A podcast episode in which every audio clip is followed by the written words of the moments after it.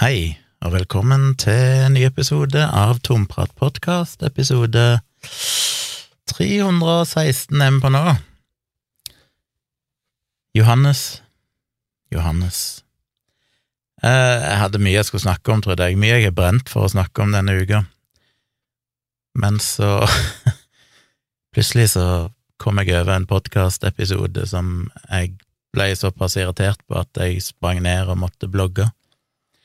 Og når jeg har sittet her, og klokka er blitt altfor seint, og jeg er egentlig altfor sliten til å spille inn podkast Men eh, det ble en bloggpost om p-piller, av alle ting, fordi, og den ligger ute nå, på tjomli.com for de som har lyst til å lese. Jeg skal prøve å få lenka lenkene i shownotes òg, selv om den ikke er så vanskelig å finne ettersom den ligger øverst på tjomli.com, på saksynt. Men det var rett og slett en podkast eh, som heter Hvorfor det?, som det er ei som heter Ivo Vatnar Eikje som eh, driver. Og jeg la vel merke helt la merke til det for en dag eller to siden, at hun, for jeg er vel Facebook-venn med henne, jeg kjenner henne ikke, men jeg er Facebook-venn, og så var det vel der hun skrev et eller annet om at hun skulle ha en podkast om p-piller.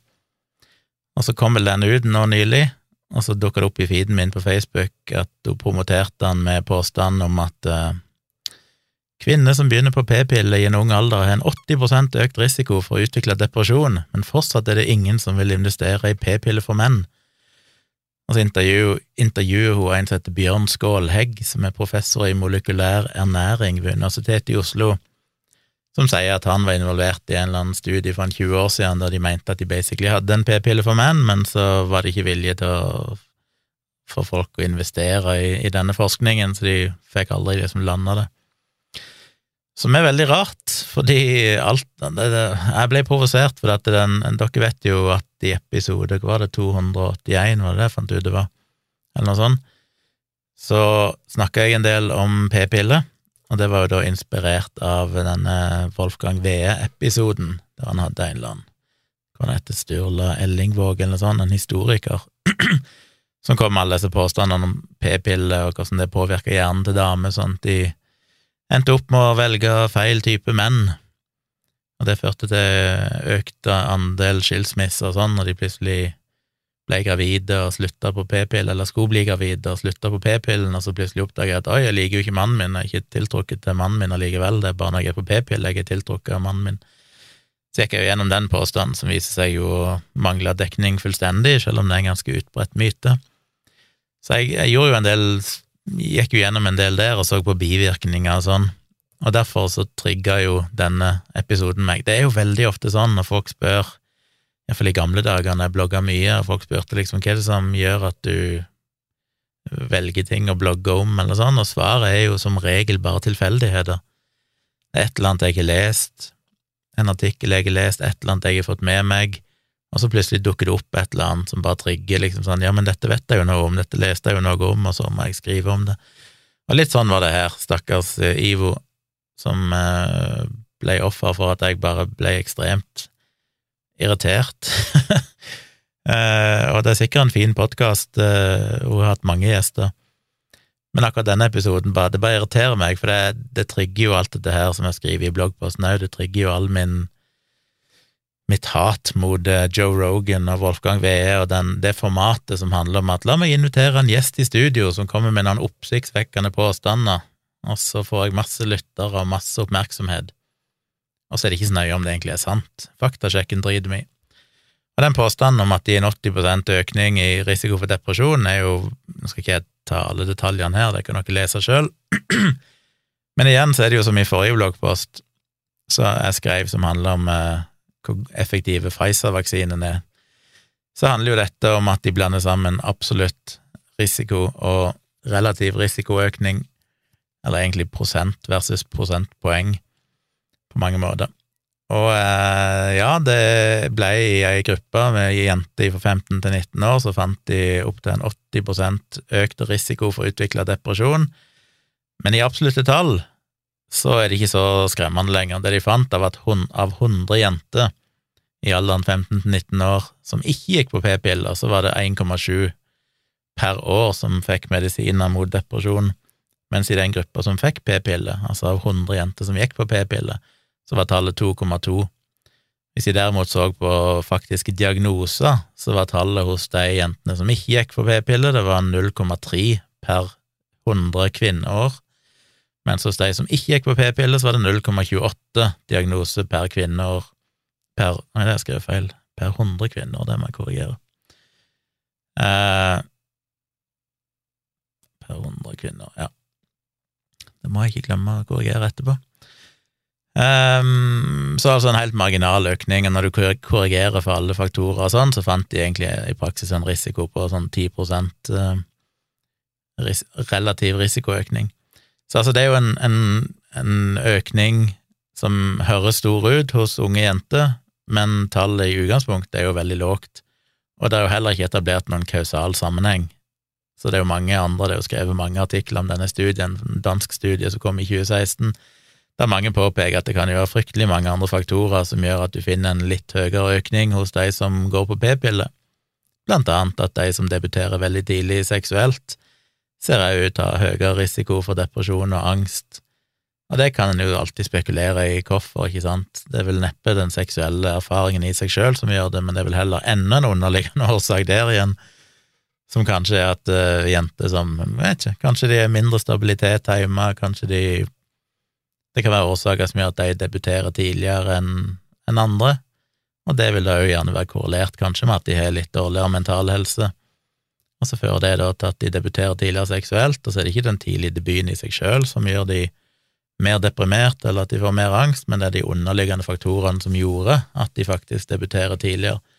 Og dermed så velger de kanskje å begynne på p-piller før andre, fordi de faktisk har et aktivt sexliv, og så har jo egentlig ikke p-pillene heller da noe med den økte risikoen for depresjon å gjøre, det er helt andre årsaker. Så dette er jo så vanskelig, og så er det jo da flere titalls studier, eller iallfall langt over ti studier, andre studier som ikke finner noen sammenheng i det hele tatt, og til og med finner en reduksjon i risiko for depresjon og sånn. Så det, det, er sånn som irriterer meg, når det er sånn Det er én studie som sier det hun vil, fordi at hun er skeptisk til p-piller, fordi hun hadde negative erfaringer med p-piller og slutta med det, og så anbefaler jo hun da at hun måler morgentemperaturen med et sånt apparat, som jo da helse... helse hva heter det, helsefolk? Eh, Folk med helsefaglig bakgrunn, og ikke minst eh, sex og samfunn, går jo ut og sterkt fraråder å bruke det som prevensjonsmetode, for det er så ekstremt upålitelig.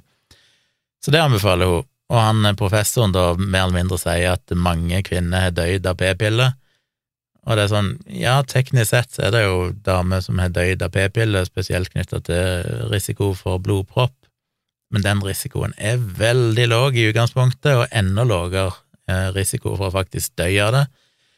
Men det han ikke sier, er jo at p-piller ser ut til å beskytte mot en rekke krefttyper, blant annet. Så når de har gjort store studier på dette, så finner de jo faktisk at dødeligheten er signifikant lavere hos kvinner som går på p-piller, enn kvinner som ikke gjør det.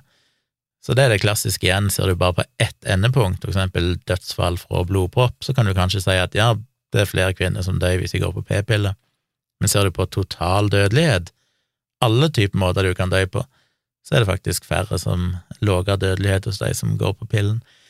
Så det, det, er så mange, det er så tendensiøst, hele greia, han er jo kritisk, for han vil jo heller at folk skal digge den mannlige p-pillen han jobba med, eh, og hun er kritisk, for det er jo dårlige erfaringer sjøl. Og i realiteten så er jo alt de sier, basically det motsatte av sannheten, av de mest sånn sentrale påstandene de kommer med. Han hevder jo at det er så enkelt å lage p-piller for menn, og det er bare ikke noe vilje til å investere i det. Men når du begynner å google litt, så er det jo tonnevis av, av studier på gang eh, med firma eller forskningsmiljøer som driver og jobber for å utvikle p-piller for menn, nettopp fordi de, gjør da skriver de jo spesifikt at eh, fordi det er veldig høy vilje til det, selv om argumentet hans er at nei, menn er ikke interessert i å ha p-piller, og det er liksom ikke noe interesse for det, mens de studiene som er gjort på dette, som jeg vel òg nevnte i den episode 281, tror jeg det var, så er det jo faktisk høy vilje hos menn å bruke en p-pille for menn hvis det bare hadde funnes, og det ikke er for alvorlige bivirkninger. Så ja, dere får lese den, men eh, jeg ble provosert og måtte bare få blåst ut litt uh, litt om det, men det gjorde plutselig at jeg ble sånn tre timer forsinka her med Tre-fire timer forsinka med podkastinnspilling. En annen artikkel jeg kom over det jeg hadde tenkt å snakke om, det var jo, som jeg nevnte litt i forrige episode, det var jo dette her med Extinction Rebellion, eller folk som kjemper mot uh, olje, eller for klima, og blant annet med å drive ulike former for hærverk. Og Da kom jeg igjen over da, en artikkel skrevet av en kommentator i VG som heter Yngve Kvistad, med overskriften 'Hærverk er ikke klimakamp'. Og Nå noterte jeg meg dette for noen dager siden, så jeg husker ikke alle Når jeg leste det første gang, så satt jeg bare brant inni meg, for jeg hadde så mye på hjertet. Skulle bare spilt inn podkast med en gang. Nå har jeg liksom roa meg og glemt hva han egentlig skrev. Så la meg lese det, litt av det. Han skriver jo, ja, da påpekte han jo at de hadde kasta maling i eh, i Vigelandsparken, eller Frognerparken, på disse statuene, og det fikk han jo til å reagere. Eh, han skriver jo blant annet hvis målet var å vekke publikums avsky mot klimasaken, kunne tilløpet muligens kalles vellykket. Dersom målet imidlertid var å bygge videre på en økende forståelse for jordens miljøutfordringer, slo aksjonen fullstendig feil. Den destruktive aktivismen vekker oppmerksomhet, men ikke i sakens favør. Tvert imot skaper aksjonsformen avstand til det som burde være et felles mål. Og det tror jeg ikke han har rett i, men han skal liksom da vise til forskning som understøtter han, så han sier studier har vist at slike marginale, aggressive protester virker mot sin hensikt.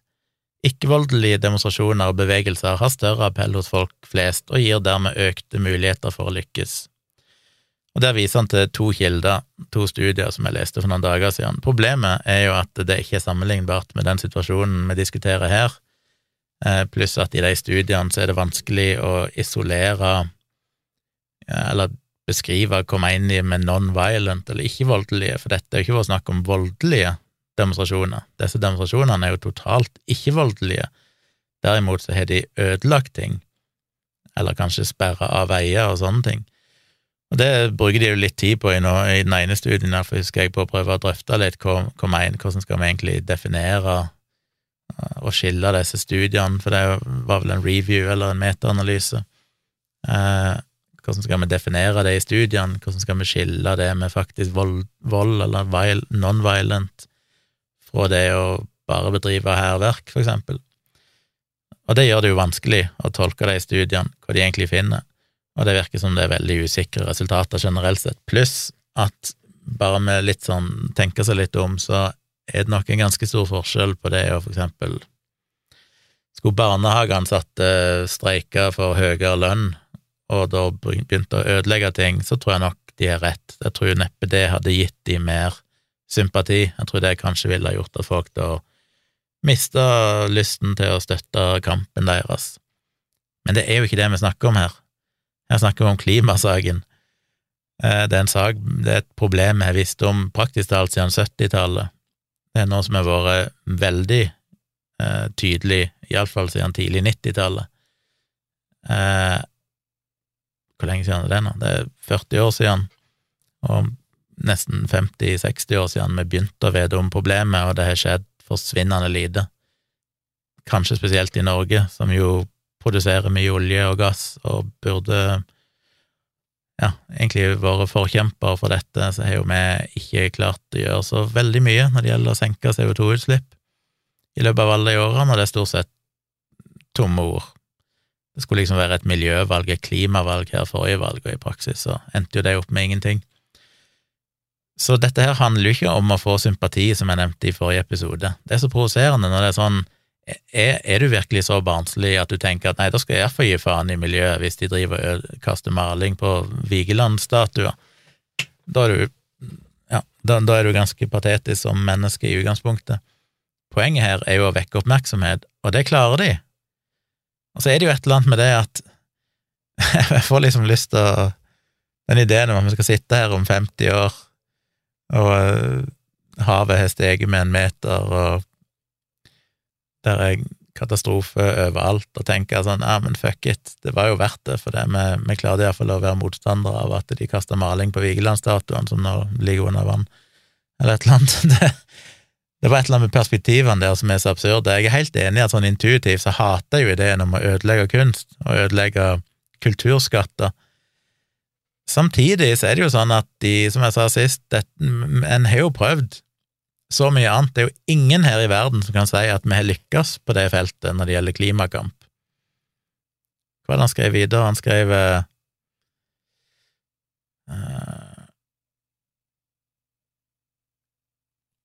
Skal vi se I tillegg ødelegger aksjonistene for seriøse miljøvernere. På bussen fredag ettermiddag overhørte jeg to kvinner som skulle slutte å støtte en herværende organisasjon nettopp fordi den høyst urettferdig blir assosiert med sånne som ødelegger.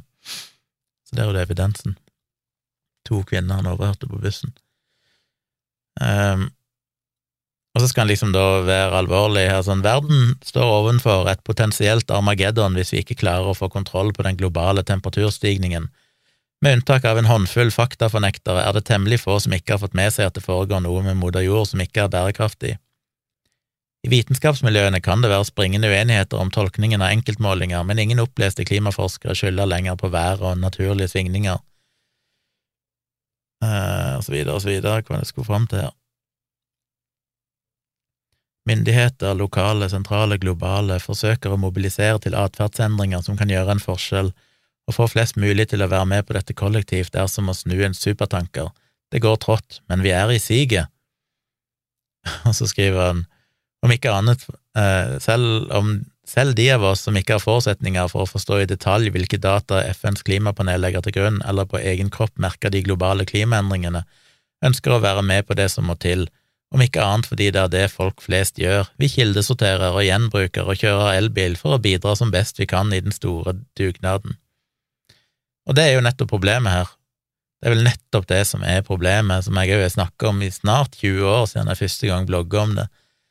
Det er jo den store løgnen vi har levd i, dette her med at hvis vi bare kildesorterer og gjenbruker og kjører elbil, så går det nok greit. Som jo hele, hele poenget til at de gjør disse demonstrasjonene, er jo ikke fordi at de vil få flere til å sortere flaskene, eller pante flasker, eller sortere plasten. De driver ikke og kaster maling og, og suppe på kunstverk fordi de føler at folk må være litt flinkere til å kildesortere, eller kanskje flere burde kjøpe elbil. De gjør det jo fordi at ingenting av det kommer til å bidra i det store bildet.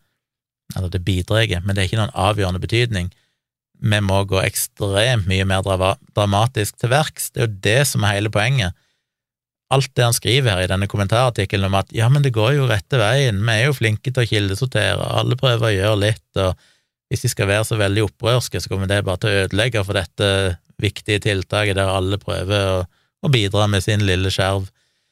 Som igjen er hele poenget, det nytter ikke, det er ikke det som kommer til å løse klimaproblemene, og det er jo nettopp derfor de, de reagerer sånn som de gjør, fordi vi må så mye mer dramatisk, drastisk til verks.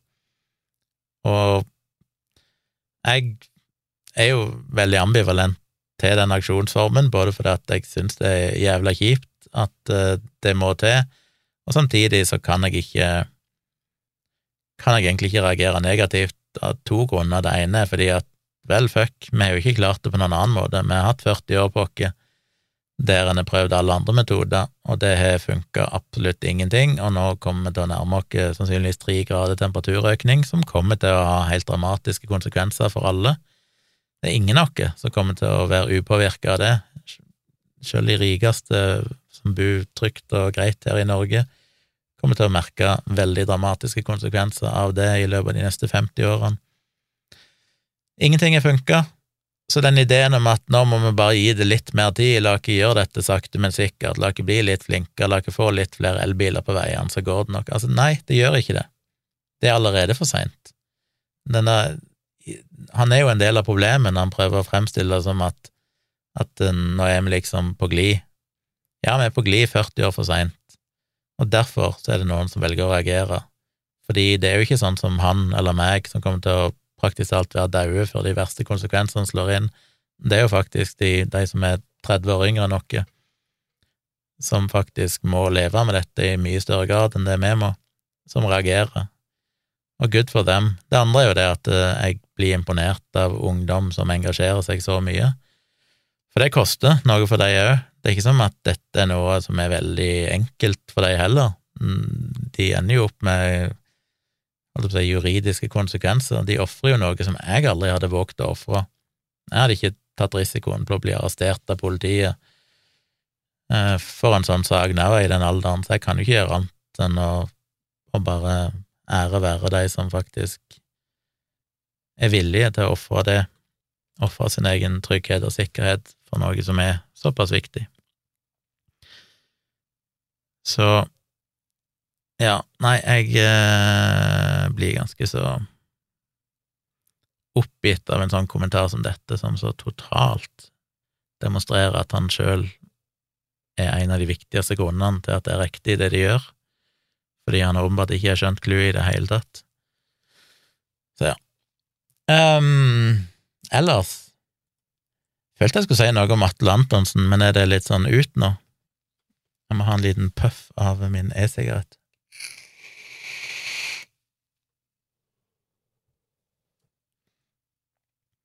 Føles litt sånn uh, utdatert å snakke om den Atle Antonsen-greia, anten at det er så uendelig mye å si om det, med tanke på at ja, det var riktig å anmelde uh, av uh, Sumaya Girde Ali.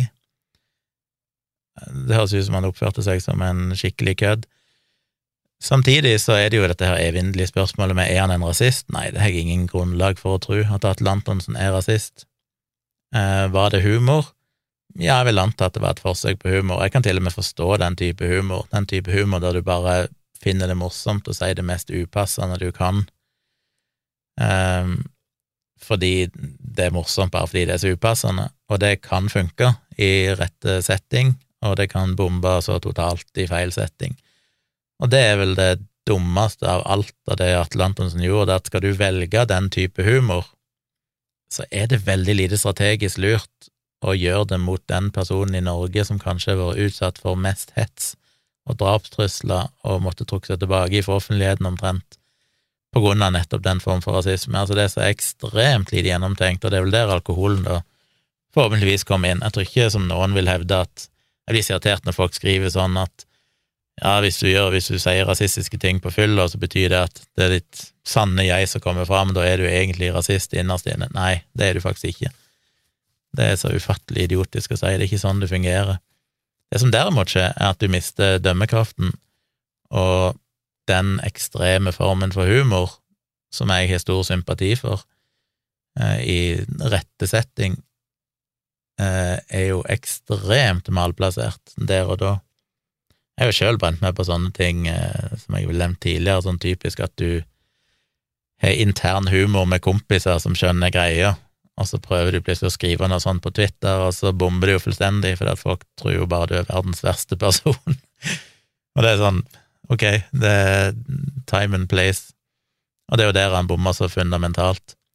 I tillegg så er det jo et aspekt med at han Nå vet jo ikke alle helt hva som skjedde, og men det virker vel Det er vel ingen tvil om hva som ble sagt, det er det vel nok vitner og alle er enige om, han er vel innrømt det sjøl, men det er litt mer hvorfor en oppførsel hadde han, altså hvor truende var han, hun opplevde det veldig truende, og det kan jeg lett forstå, og det er vel kanskje òg det som var det mest alvorlige, det er vel mer det at han var så jævla truende, han som er en stor, eldre mann, eh, og hun visste jo godt hvem han var, det er kanskje mer uklart om han egentlig visste hvem hun var akkurat der og da, for om han var for full til å gjenkjenne eller hva det var, men, men han kan jo sikkert fremstå som en ganske truende person, og når han da er høylytt og sier til henne 'shut the fuck up' og skjeller henne ut omtrent, så skjønner jeg godt at hun blir redd, det hadde jeg òg blitt.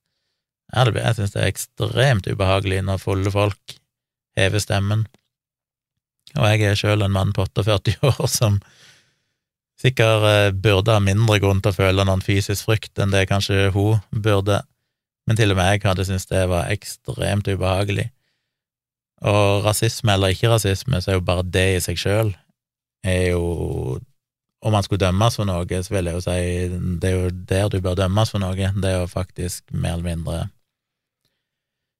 uh, Ja, sånn rett og slett bare en hensynsløs atferd mot et annet menneske på et uh, offentlig sted er jo er jo forferdelig ille og ekstremt patetisk, og det har vel Atle åpenbart skjønt sjøl òg, basert på den responsen han har kommet med, som jeg syns har vært bra når han endelig, selv om den kom for seint, selvfølgelig, men igjen, det er menneskelig. Jeg tror det er få av oss som hadde nødvendigvis kommet med en sånn beklagelse med en gang, bare fordi vi rett og slett Enten fordi du ikke helt vet hva du sjøl gjorde, eller fordi du vet det, Det virka vel som at han kanskje ble påminnet det av noen av vennene sine dagen derpå. Eh, men at du bare tenker at shit, dette her er så bedritent at eh, kanskje jeg håper bare det blåser over, og så kommer du med en litt sånn halvveis unnskyldning. Som jo ikke er optimalt, men menneskelig. Og når han da kom med en endelig og skikkelig unnskyldning på Facebook når dette ble offentlig, syns jeg jo var en god unnskyldning, og òg responsen han har hatt seinere, der han har vært veldig tydelig på at han ikke vil gjøre noen ting som kan gjøre ting mer ubehagelig for henne enn det det allerede er, og sånn, at han liksom har lagt seg 100 flat og må ta et oppgjør med seg sjøl. Så det syns jeg jo er bra. Men han, eh, saken ble jo henlagt, så kan en diskutere det. Jeg tenker jo det som i utgangspunktet virker riktig med den henleggelsen, er jo at det ikke var kvalifisert eh, hva de kaller det, kvalifisert rasisme, holdt opp til, et eller annet kvalifisert eh, ja, At det ikke var noe forsett og alt det der. Eh, som jeg tror jeg er enig i, at de tolker det som at det var meint som humor. Det var ikke et tegn på at du faktisk er, ønsker å, si noe rasistisk til en person. Og det tror jeg er en riktig avgjørelse, og jeg tror òg det er viktig at lovverket er sånn, at du faktisk har det skillet, at det er ting som kan være rasistisk, sånn tatt helt ut av kontekst, allikevel må ses i kontekst, at du må se det i den rette konteksten for å avgjøre om det skal være en straffbar ytring eller ikke. Eh, så kan jeg selvfølgelig diskutere det, for det at for hun opplevdes det vel Jeg er jo fortsatt usikker på hva som var det verste for henne, om det var liksom rasismen i det, eller om det var mer den truende oppførselen. Eh, men uansett, i en annen situasjon så kan det selvfølgelig oppleves veldig rasistisk hvis det faktisk er rasistisk, så kan det selvfølgelig oppleves rasistisk, selv om det ikke var meint som faktisk rasisme, men kanskje heller meint som en form for humoristisk antirasisme. Eh, så kan en diskutere hvordan skal en da forholde seg til det, hva er det viktigste, er det hensikten, eller er det sånn det oppleves? Det er jo alltid et evig dilemma i sånne saker. Men igjen så er det jo mer den der truende oppførselen, og så er det jo sammenligningen med den der andre saken med han der gjøken eh, som jeg ikke kommer på navnet på nå, men han andre som nylig ble dømt for eh, rasisme. Der de vel Hva var det de kom fram til der? Hva, fuck, nå satt jeg og leste om dette tidligere i dag. Men det ah, Faen heller. Skulle jo hatt det for meg her. Jeg leste en sånn nyanse der som jeg syns er interessant, med at jeg tenker at mens jeg først var veldig enig i at den saken ble henlagt, at den ikke ble dømt, så ble jeg litt mer usikker når jeg leste sammenligningen med den andre saken. Han Hulsk, Hul, Hulsker, er det han heter? Må jeg google. Bernt Hulsker. Rasisme. Um, derfor slapp Antonsen straff, mens Hulska ble dømt. Um, Hulska ble jo dømt til betinga fengsel for ganske lignende ytringer. Så skriver de at uh, forskjellen er at den ene saken er sett på som grovt nedvurderende av etnisitet, og det gjøres altså ikke her. Um, tja Men det var et eller annet med Ja, nei, jeg burde jo selvfølgelig hatt det på forhånd. Jeg ser det er en som uh, Elin Ørjasæter faktisk har skrevet i Nettavisen med tittelen 'Jeg ville ha vekk rasismeparagrafen'. I går måtte jeg gå en runde med meg selv. Det kjenner meg jo igjen i. Det er jo sjølsagt at jeg har jo sjøl argumentert for at vi burde fjerne rasismeparagrafen tidligere. Og så de siste par årene så har jeg begynt å snu litt og tenke at nei, kanskje vi trenger å regulere enkeltytringer juridisk, fordi eh, fordi ellers så risikerer vi at det blir en reell trussel mot ytringsfriheten. Det vil kneble for mange. Nei, nå husker jeg ikke hva clouet var, akkurat, som er litt kjipt, men øh, Men ja. Jeg eh, kunne sikkert ha sagt mye om den saken. Alt i alt så tenker jeg Altså er det jo dette med tilgivelse, det òg. Dette med holdt jeg på å si kansellering.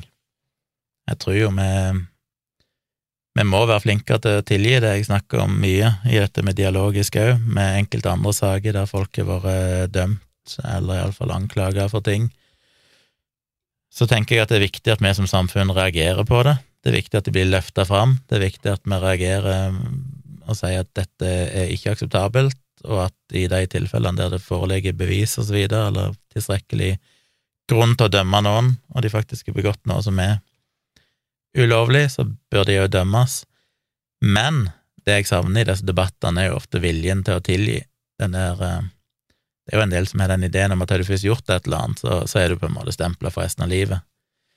Og jeg har jo argumentert hardt for eh, at vi skal si, tilgi og behandle folk som er sona ferdig, ulike typer dommer, eh, se på de som vanlige medmennesker etterpå, alle kan gjøre alvorlige feil, til og med så ekstreme ting som å ha drept noen, så skal du liksom ha rett til å ha et liv når du har sona din dom, og det må vi i det minste klare i sånne saker som dette.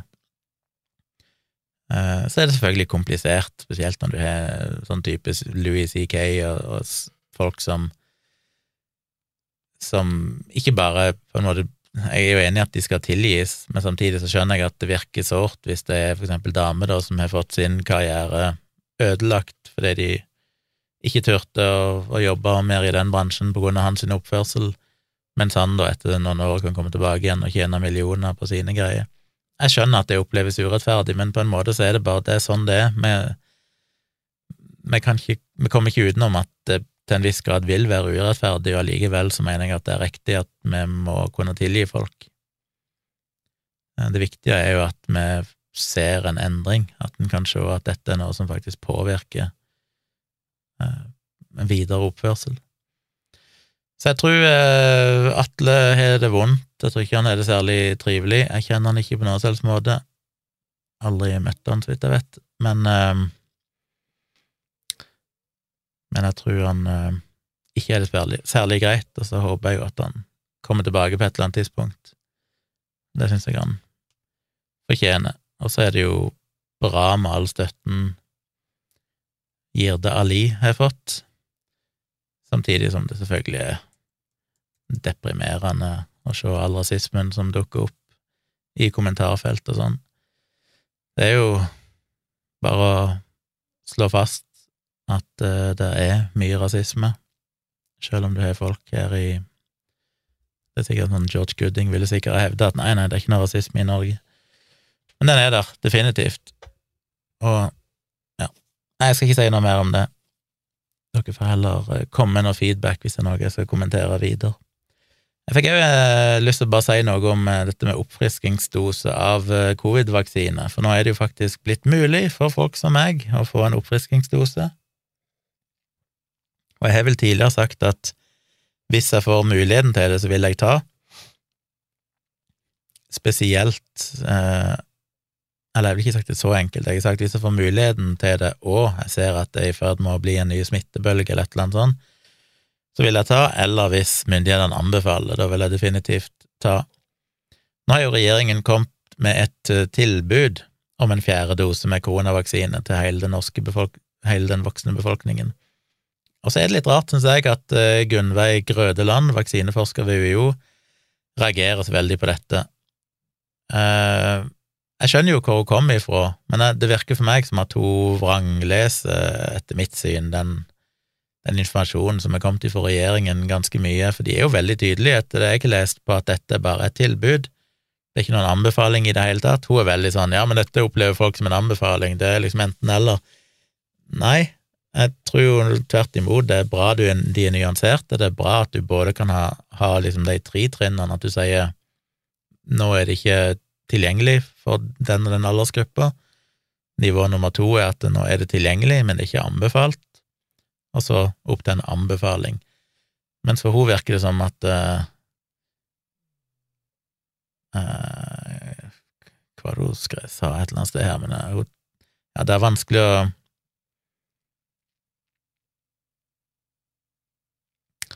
det var avdelingsdirektør Are Stuvitsberg i FHI sier at han ser Grødland sine poenger. Det er vanskelig å skille mellom hva som er en tydelig anbefaling, og hva det er en åpning eller mulighet for. Men er det virkelig det? Jeg trodde alle var veldig innforstått med ut ifra den informasjonen som er kommet, at dette er ikke en anbefaling. Dette er bare sånn du har muligheten til å få vaksinen hvis du vil, Og for noen kan det være anbefalt, hvis du er i risikogruppe og sånn, selvfølgelig, da er det jo anbefalt. Men til og med om du ikke er i en spesiell risikogruppe, så kan det være spesielle årsaker til at du føler du vil ha vaksinen. Uh, men igjen, jeg skjønner ikke helt reaksjonen. Jeg syns det er fornuftig. Det virker som at hun sier at Sånn jeg tolker hun, så sier hun at uh, regjeringen burde ikke ha kommet med tilbud engang, fordi at noen kan oppleve det som en anbefaling, og hun mener at uh, den oppfriskingsdosen vil ikke ha noen praktisk betydning for folk flest. Og det har hun nok i stor grad rett i. Det er jo liksom det er jo den grunnvaksineringa, altså de to dosene, som er det aller, aller viktigste. Og som jeg sa vel i forrige episode, det er jo så mange idioter der ute som ennå ikke har skjønt forskjellen, og tror at når myndighetene fram til nå denne uka, når de kommer med et tilbud, ikke har hatt et tilbud om en opprisingsdose, så tolker de det jo som at å, nå har jo myndighetene endelig innrømt at vi vaksinemotstandere hadde rett hele tida, vaksinen virker egentlig ikke.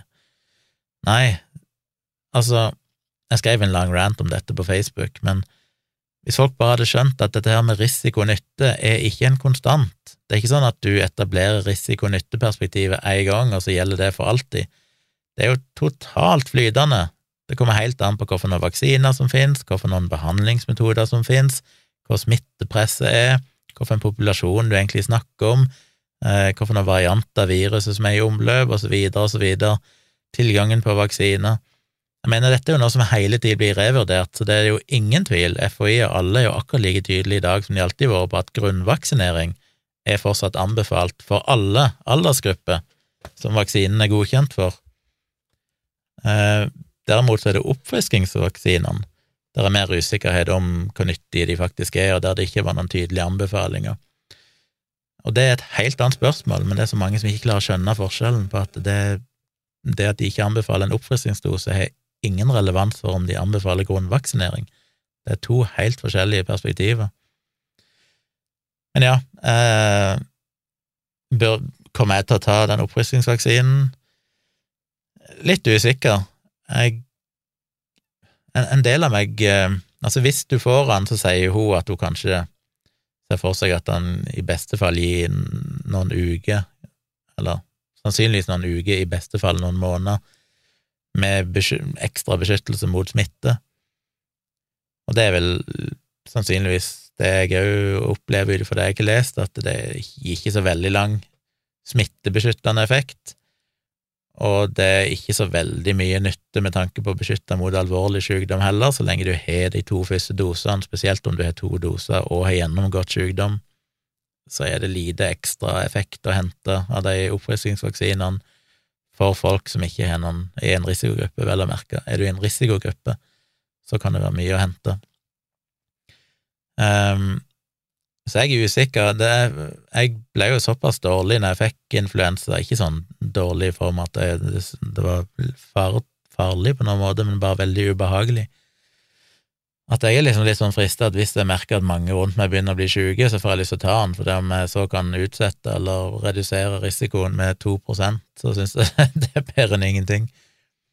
Eh, og jeg tenker, ja, Argumentet for regjeringen med å tilby den, og sånn som jeg tolker det, er jo at de sier at hvis det blir nødvendig i framtida, så er det viktig at vi har den tilgjengelig.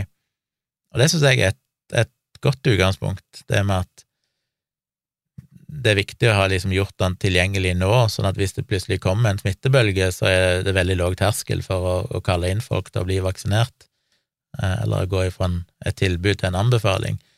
Hvis du derimot ikke har noe tilbud om den, og det plutselig blir nødvendig, så kan det plutselig bli forsinkelser. Så jeg, jeg er jo helt enig i at det kan være fornuftig å tilby den nå, men samtidig ikke komme med noen anbefaling. Men så er han der, og så er det lett å få han når det faktisk blir nødvendig, for det, det tar jo tid å få kommuner sånn, til å snu seg og organisere vaksinering og så videre, så jo mer en kan få gjort tidlig, jo bedre er det. Kommer jeg til å ta den? Jeg er usikker. Jeg, jeg ser ikke noen god grunn til å ikke ta den, jeg er ikke redd for noen bivirkning, og det er ikke noen sånn grunn til å ikke ta den, det er mer bare vil jeg egentlig ha noe nytte av det? Um, jeg vet ikke. Jeg, jeg, som sagt, hvis jeg merker at det er mange som blir syke, at det begynner Hvis det blir veldig tydelig, signal om at det er veldig mye folk som blir syke, og det kan en jo si det kanskje allerede er. Jeg har jo hørt andre si at det var veldig mye fravær på arbeidsplassen og sånn, men jeg har ikke liksom merka noe i nærmiljøet. Ikke hengende i familie og venner sånn, jeg har hørt det blitt syke i seinere tid. Så jeg må kanskje vente og se, føle litt på det. Det er ikke noe hastverk med å få han, jeg tror ikke han er sånn supermye effekt, men uh, Men ja, vi får se. Jeg uh, syns iallfall at den reaksjonen til Grødeland kanskje var litt unødvendig. Men det er mulig at hun har reagert på noe tidlig informasjon, og så har det kommet mer informasjon etterpå som jeg har lest, og så føles det veldig urimelig, det hun sier. Kanskje, jeg vet ikke hva som er årsaken.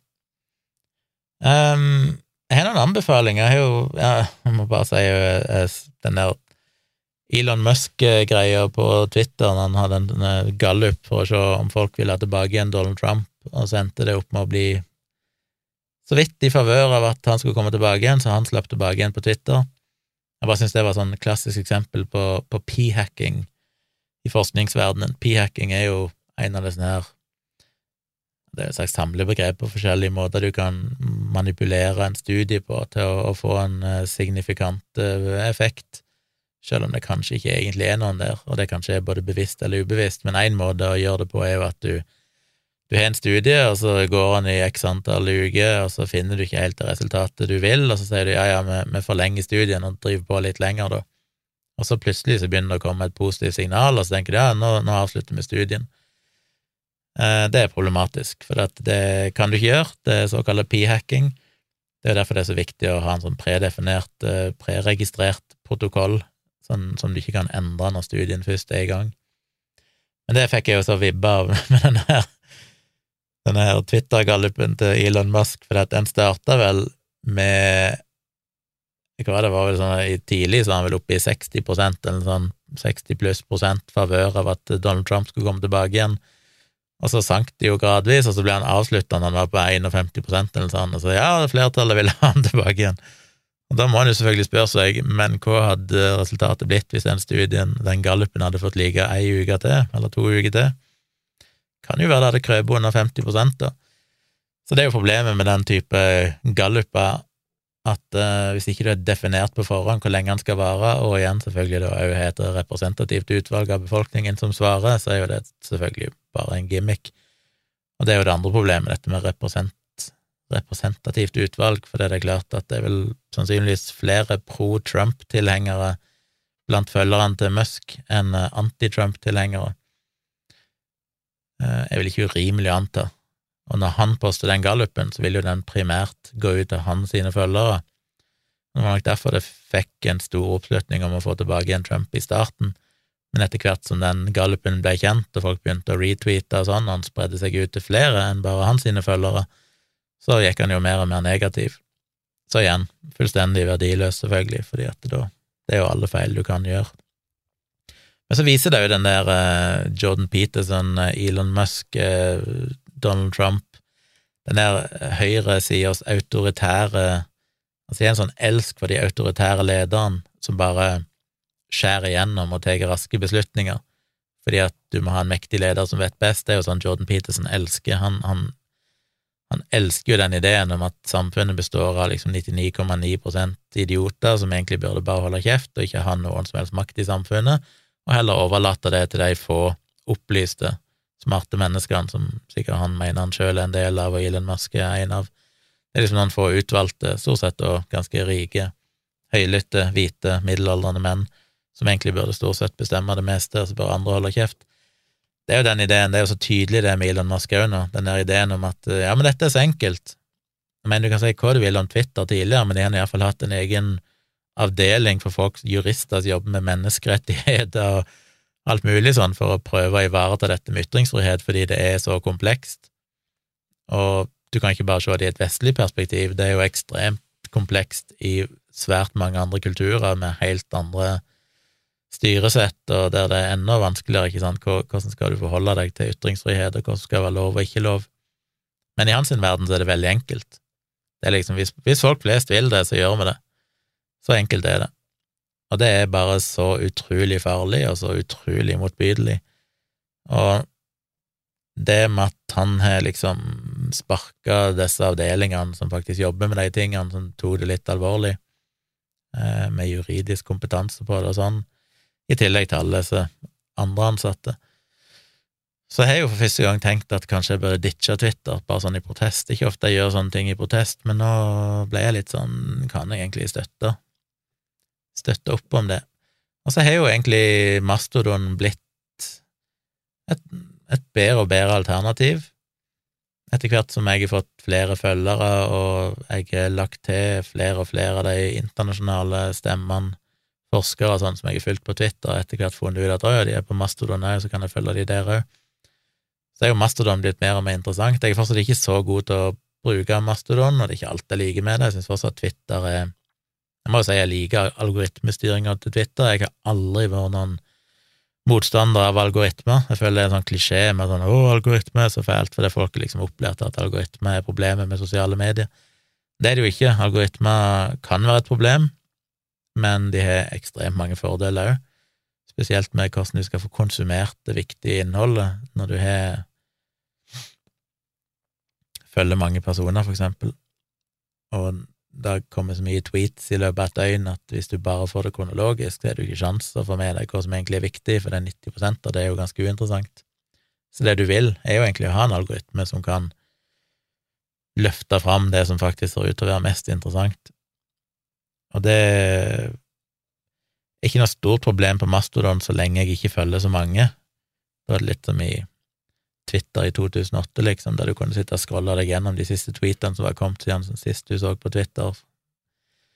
Eh, det er litt sånn der nå, men eh, det vil jo bli et problem hvis Mastodon vokser.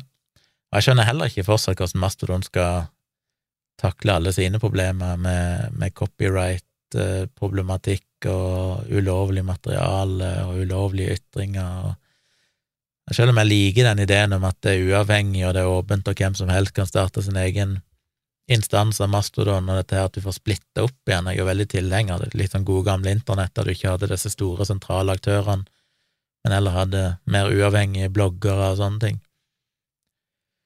Så er det jo samtidig Så blir det litt som i gamle diskusjonsforum, ikke sant, der du ofte var uenig med den som var moderator i forumet, på hvordan de modererte ting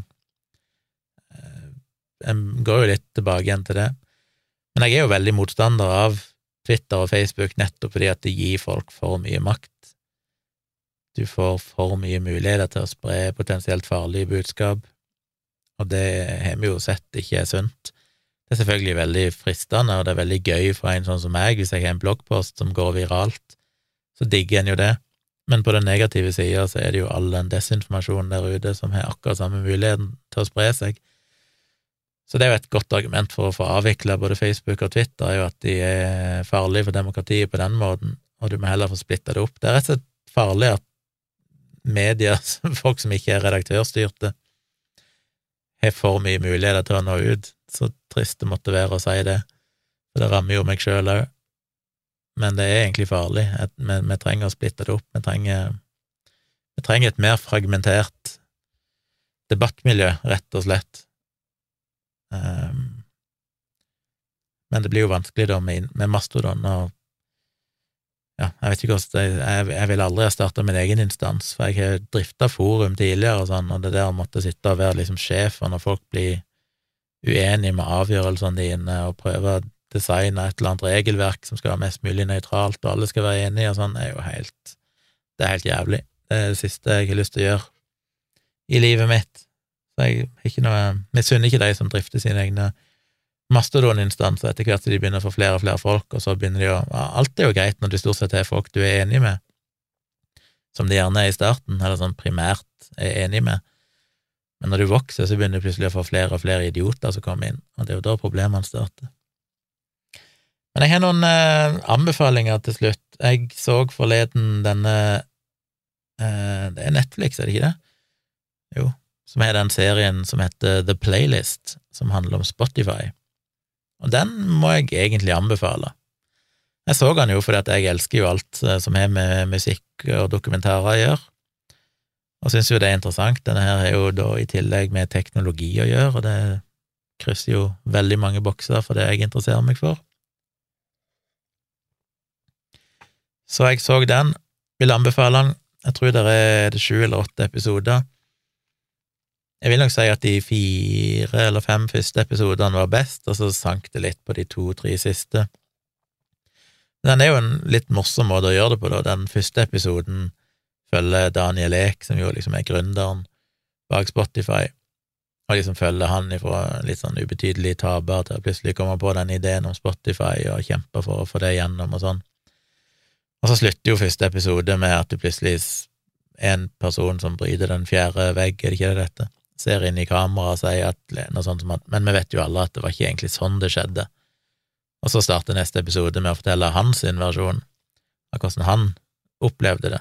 Jeg tror den første er Daniel Lek, den andre er vel en annen programmerer som forteller sin versjon, og så kommer det en episode som var en av de beste, synes jeg, med ei dame som er jurist, som skal da vise dem for juristene sin sak, dette med å forhandle fram avtaler med plateselskapene og sånn, til å få lov til å bruke musikken.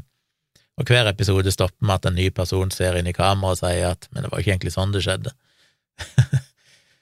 Så du får liksom historien fortalt fra veldig mange forskjellige ståsteder, som er jo den kanskje en litt feig måte, men kanskje fornuftig måte å si at vi vet jo ikke egentlig hele sannheten, men eh, det er mange måter å se dette på.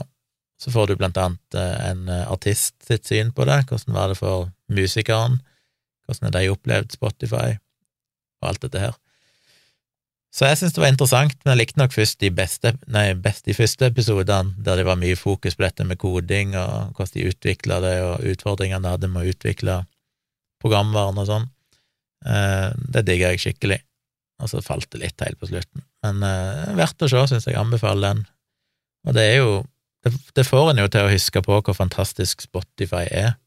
En kan jo mene hva en vil om Spotify med hosta Joe Rogan sin podkast, og med at de betaler for lite til artister og alt det der, men liksom bare konseptet Det, det syns jeg de viser veldig fint i serien, når de får forskjellige folk til å teste Spotify de første gangene, og liksom sånn Hele greia var jo at på det tidspunktet var det jo mye Pirate Bay de gikk i. Um, BitTorrent, som da plateselskapene prøvde å få knust og kjøre rettssaker mot de og alt mulig sånn. Så kom da Spotify som et sånn alternativ. Og erfaringen fra BitTorrent og det som hadde vært tidligere med Napster og alt mulig sånn, det var jo liksom at du måtte søke opp en sang du ville ha, og så fikk du kanskje mange treff, og så måtte du laste ned sangen, og så tok det ganske lang tid, og så ofte var det en dårlig fil, eller det var ikke den filen du ville ha, eller det var bare noe kødd, eller det var feil på filer. Ikke sant? Det var masse styr for å finne en god MP3-fil av den faktiske versjonen av sangen du vil ha. Mens med Spotify så kan du bare søke og trykke play, og så er den der.